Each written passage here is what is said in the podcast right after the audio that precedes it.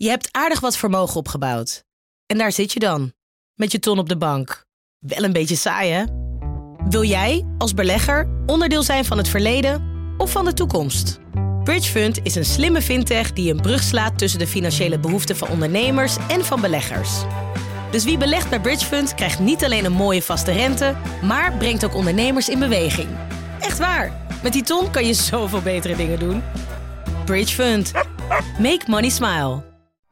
Benzine en elektrisch. Sportief en emissievrij. In een Audi plug-in hybride vindt u het allemaal. Ervaar de A6, Q5, Q7 en Q8 standaard met quattro vierwielaandrijving. Wat u ook zoekt, u vindt het in een Audi. Audi. Voorsprong door techniek. Vanaf de redactie van NRC het verhaal van vandaag. Mijn naam is Thomas Ruip.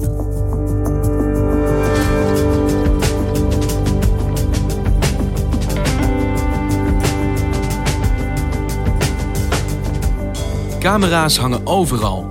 En ze zijn steeds beter in staat om jou eruit te pikken. Zelfs uit grote massa's mensen. China past gezichtsherkenning al langer toe. Maar ook in Europa rukt het gebruik op. De toepassingen zijn eindeloos. Maar wat gebeurt er als de technologie sneller ontwikkelt dan de regels die ons beschermen?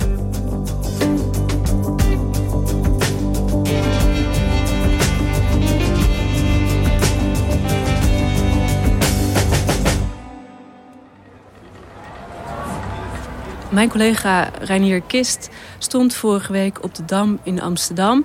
Hij posteerde zich voor het café naast de Bijkorf om vol in beeld te komen van een camera die vlak naast het Krasnopolski Hotel hangt.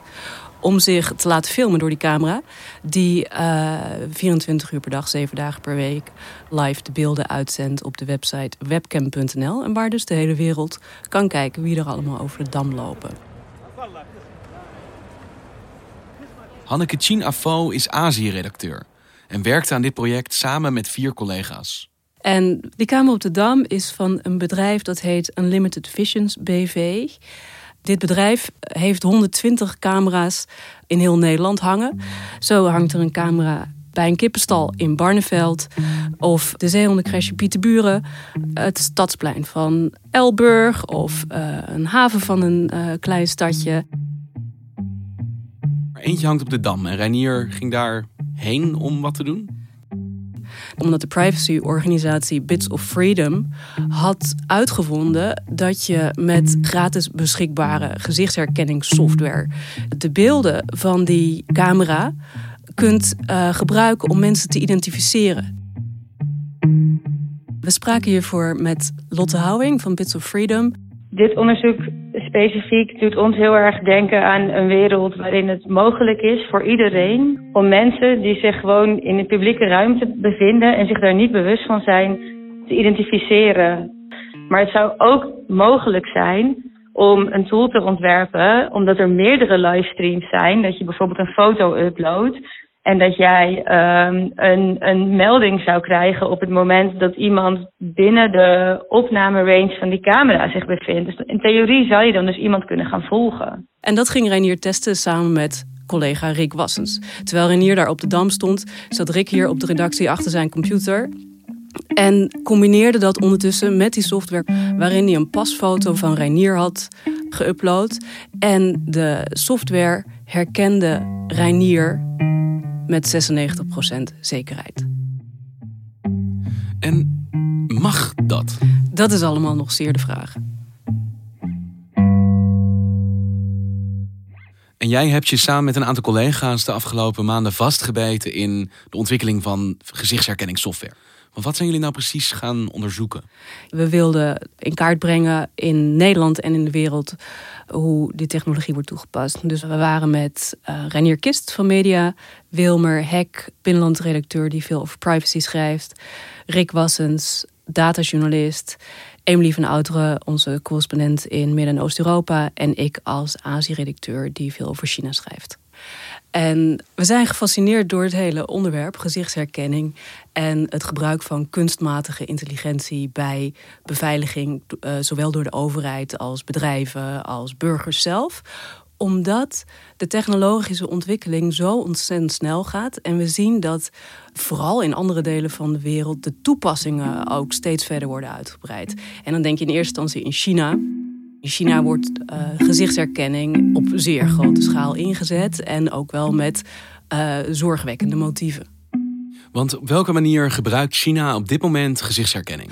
Wat de laatste tijd veel in het nieuws is, is het lot van de islamitische Oeigoerse minderheid. In Xinjiang province, the Chinese government is wary of the separatist threat posed by the Muslim Uyghur population. De Chinese overheid gebruikt allerlei vormen van kunstmatige intelligentie, waaronder gezichtsherkenning, om de Oeigoeren in de gaten te houden en ook echt te onderdrukken. The authorities are using facial recognition cameras to scan people's faces before they enter markets. The system alerts authorities if targeted individuals stray 300 meters beyond their home. Want China is bang voor aanslagen door geradicaliseerde Oeigoeren en denkt dat op deze manier te kunnen voorkomen. En waarom is het nou juist China waarin deze techniek zoveel toepassingen kent, waarin dit zulke grote vormen aanneemt? China wil in 2025 voor niemand meer onderdoen op technologisch gebied. Ze zijn een hele grote innovatieslag aan het maken. En er zijn heel veel Chinese bedrijven die heel hard kunstmatige intelligentie aan het ontwikkelen zijn. En wat een bijkomend gemak is, is dat als je wil uh, een algoritme wil leren hoe een Oeigoer eruit ziet, dan doe je dat door bij wijze van spreken 10.000 foto's van Oeigoeren aan de computer voor te leggen, zodat hij op basis daarvan de Oeigoerse gezichtstrekken leert herkennen. Die plaatjes heeft China volop beschikbaar. Want zij hebben niet de privacywetgeving die wij hier in Europa hebben. Dus zij kunnen gewoon alle data die ze hebben gebruiken om algoritmes te trainen. Hoe ver is Europa? Wat, zijn, wat doen Europese landen aan gezichtsherkenning? Er zijn een aantal voorbeelden. Onze correspondent Emilie van Outeren, die eh, in Midden- en Oost-Europa werkt, is uh, op bezoek geweest in de Servische hoofdstad Belgrado. Omdat dat sinds kort begonnen is met het ophangen van duizend camera's die verbonden worden met gezichtsherkenningssoftware van de Chinese firma Huawei. Chinese camera's? Ja, en uh, door een bedrijf dat nou, behoorlijk in het nieuws is en ook redelijk omstreden is. En de, en de vrees die daar bestaat, is dat niet. Het gaat niet alleen om Huawei, maar de vraag is ook: wat doet de Servische overheid met die beelden? Want privacyactivisten die daar vragen over stellen, die krijgen eigenlijk nooit echte antwoorden. Die krijgen alleen als antwoord: we doen dit om de veiligheid te vergroten. Maar wie kijkt er naar die beelden? Waar worden ze precies voor ingezet? Daar komt geen antwoord op. En gaat Servië hierin verder dan andere Europese landen? Tot nu toe is dit de enige Europese overheid waarvan we weten dat die op deze schaal camera's ophangt. Er is wel eerder dit jaar een rechtszaak geweest in het Verenigd Koninkrijk, aangespannen door een privacyactivist, die merkte dat hij twee keer door de politie gefotografeerd was. Namelijk één keer toen hij gewoon kerstinkopen aan het doen was. En één keer toen hij aan een, uh, deelnam aan een uh, protest, een vreedzaam protest tegen een wapenbeurs. En de politie heeft die beelden gebruikt om ze langs een database met verdachten te halen. En daar in dat proces gezichtsherkenningssoftware gebruikt om dat te kunnen doen. The van was parked just around the corner and the, by the time I was close enough to see facial recognition technology written on the van, it had already captured my data several times over.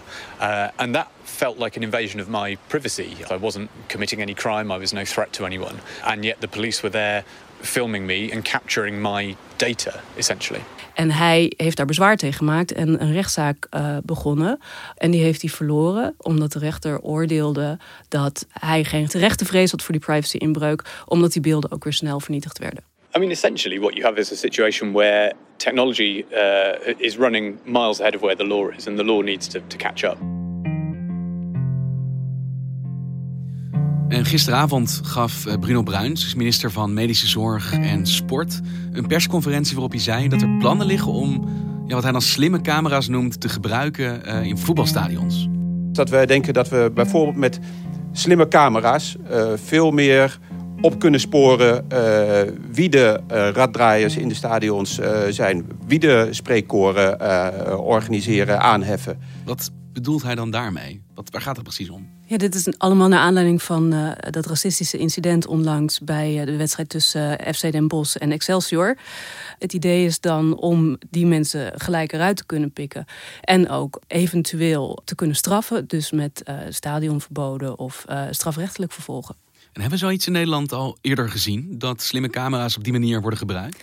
Nou, er zijn wel voetbalstadions die gezichtsherkenning gebruiken. Zo doet ADO Den Haag dat al sinds 2007. Iedereen die daar naar binnen wil, moet zijn gezicht scannen. En op die manier worden mensen met een stadionverbod geweerd. Als eerste club in Europa voert ADO biometrische gezichtsherkenning in... om het voetbalvandalisme tegen te gaan. ADO is in deze absoluut vooruitstrevend. Het is uh, gezichtsherkenning met een uh, driedimensionale techniek.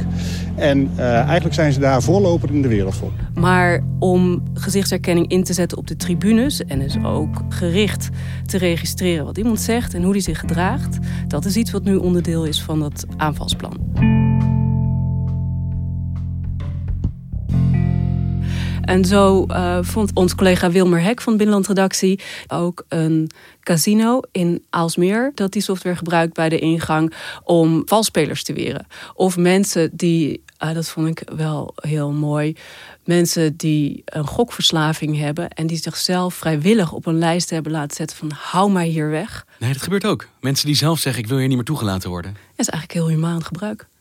We hebben het nu gehad over een aantal specifieke plekken. Uh, we hebben het gehad over een casino uh, in Aalsmeer, uh, over voetbalstadions. Weet je, je hebt de keuze of je daar wel of niet heen gaat. Tenminste, nou ja, het gevoel van voetbal dan misschien niet voor iedereen. Maar in principe kun je zeggen, ik wil niet gefilmd worden, dus ik ga niet. Maar in hoeverre wordt gebruik gemaakt van dit soort camera's en dit soort software in de openbare ruimte door de overheid? Nou, tot nu toe gebruikt de politie de techniek heel beperkt. Zij doen dit alleen als er een misdrijf is gepleegd, er zijn beelden van en ze willen de verdachte daarop kunnen identificeren, dan halen ze die beelden langs een database met mensen die in het verleden in aanraking zijn geweest met de politie en uh, gebruiken daarbij gezichtsherkenningssoftware om zo een match te vinden. En ze zeggen als de machine zegt hier is een match, dan komt er altijd nog een menselijke toets aan te pas om te kijken of dat hem inderdaad is. En er hangen dus geen camera's van de politie in de openbare ruimte met gezichtsherkenningssoftware. Dus jij kunt gewoon anoniem over straat. En is dat de grens van de manier waarop de Nederlandse overheid die gezichtsherkenningssoftware gebruikt? De politie? Uh, op grond van een reële verdenking of een vermoeden? Ja, minister Grapperhaus heeft hier vorige week een brief over naar de Kamer gestuurd. Waarin ook wel staat: de politie is verder aan het onderzoeken wat mogelijke gebruiken zijn van gezichtsherkenningssoftware. Maar we gaan geen volautomatische gezichtsherkenningssoftware gebruiken. Het blijft altijd een onderdeel van een menselijke toets. Want is daar verschuiving in? Worden de grenzen opgezocht? Nou ja, kijk, collega Rick Wassens en ik zagen dat er uh, een Europees project wordt opgestart met 22 bedrijven en onderzoeksinstituten uit Europa om grensbewaking met kunstmatige intelligentie te doen, waarbij Schiphol een belangrijke rol speelt. Het is allemaal nog heel erg in ontwikkelingsfase, maar dit project, Trespass geheten, is bedoeld om met data en camera's passagiersstromen te controleren. Uh, en het idee daarvan is dat het scannen van passagiers zo efficiënter kan dan wanneer iedereen voortdurend gecontroleerd moet worden. Ze noemen dat risicogebaseerde grensbewaking. Oké, maar hoe zie je dat dan voor je? Want je hebt een camera die filmt een hele hoop mensen. Hoe pikt hij er dan een verdachte uit? Of verdacht gedrag? Camera's op Schiphol worden verbonden met software die uh, mensen kan volgen door de massa op basis van uiterlijke kenmerken. Dus bijvoorbeeld, jij hebt een uh, groene jas aan en een blauwe broek. Eén camera slaat een beeld met die specifieke kenmerken van jou op in een code. En als jij dan bij de volgende camera komt, die doet hetzelfde en die kijkt dan of die code matcht. En zo wordt jouw traject over de luchthaven gevolgd. En wat ze dan kunnen is kijken of jij een afwijkend traject aflegt.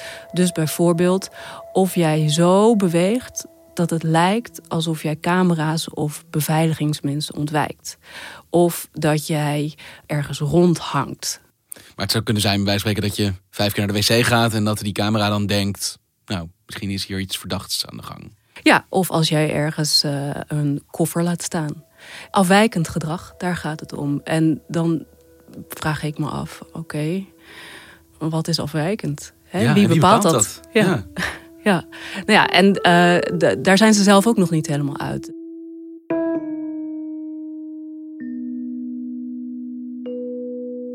Maar er kan dus heel veel en steeds meer. En je weet, als dit soort technieken beschikbaar zijn, dan gaan mensen die ook willen gebruiken. Maar is het op dit moment duidelijk genoeg wat er mag met dit soort software? Wat de grenzen in onze rechtsstaat zijn van hoe je wel en niet mag omgaan met gezichtsherkenning? Nee, er zijn nog heel weinig regels. En er is natuurlijk de algehele privacywetgeving, de welbekende AVG, de Algemene Verordening Gegevensbescherming. En een van de dingen die erin staan is dat biometrische gegevens, dus de kenmerken van je gezicht bijvoorbeeld, je iris-scan, je vingerafdruk, nu bijzondere persoonskenmerken zijn of bijzondere per- persoonsgegevens. En daardoor moet je er eh, heel zorgvuldig mee omgaan. En zorgvuldig, wat betekent dat dan? Dat betekent dat ze niet zomaar gebruikt kunnen worden en dat daar een, een gerechtvaardigd belang tegenover moet staan. Veiligheid bijvoorbeeld. Hè, er was ook een vraag gisteren in die persconferentie bij de KNVB. En toen antwoordde eh, minister Grapperhaus van Justitie. Ik heb eh, heel duidelijk gezegd, eh, wij gaan vanuit justitie en veiligheid helpen om in die zaken waar men aanloopt tegen, ja, eh, kunnen we hier niet iets door de privacy, heel goed met elkaar te kijken of daar niet wel degelijk toch eh, een verantwoording is om wel dingen te kunnen doen. Mijn gedachte is altijd, als techniek op een bepaalde manier gebruikt kan worden, dan zal dat ergens ook gebeuren. Ja, eh, hè, dat is eigenlijk hoe het heel vaak gaat met technologische ontwikkelingen, dat de regelgeving het allemaal niet kan bijhouden. Wordt er dan gewerkt aan betere wetgeving die hier meer van toepassing is, die meer van deze tijd is? Het kabinet heeft het onderzoekscentrum WODC gevraagd om hier een advies over uit te brengen. En dat wordt begin volgend jaar verwacht. En collega Wilmer heeft een van de co-auteurs van dat advies gesproken. Dat is eh, de privacydeskundige van de Universiteit van Tilburg. Eh, Hij heet Bart van der Sloot. En um, onder andere de voorbeelden voorgelegd van het gebruik van de gezichtsherkenningssoftware door ADO Den Haag en dat casino in Aalsmeer. En hij denkt dat dat geen goed idee is om dat toe te staan. Hij zegt dat het onderdeel van het advies kan gaan worden dat we dit niet moeten willen, omdat het eh, gebruik van die software daar niet het doel rechtvaardigt.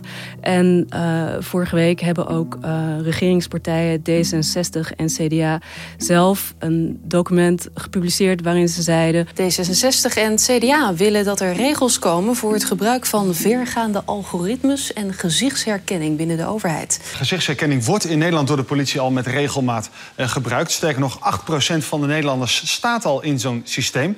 En daarom willen D66 en CDA een voorlopig verbod.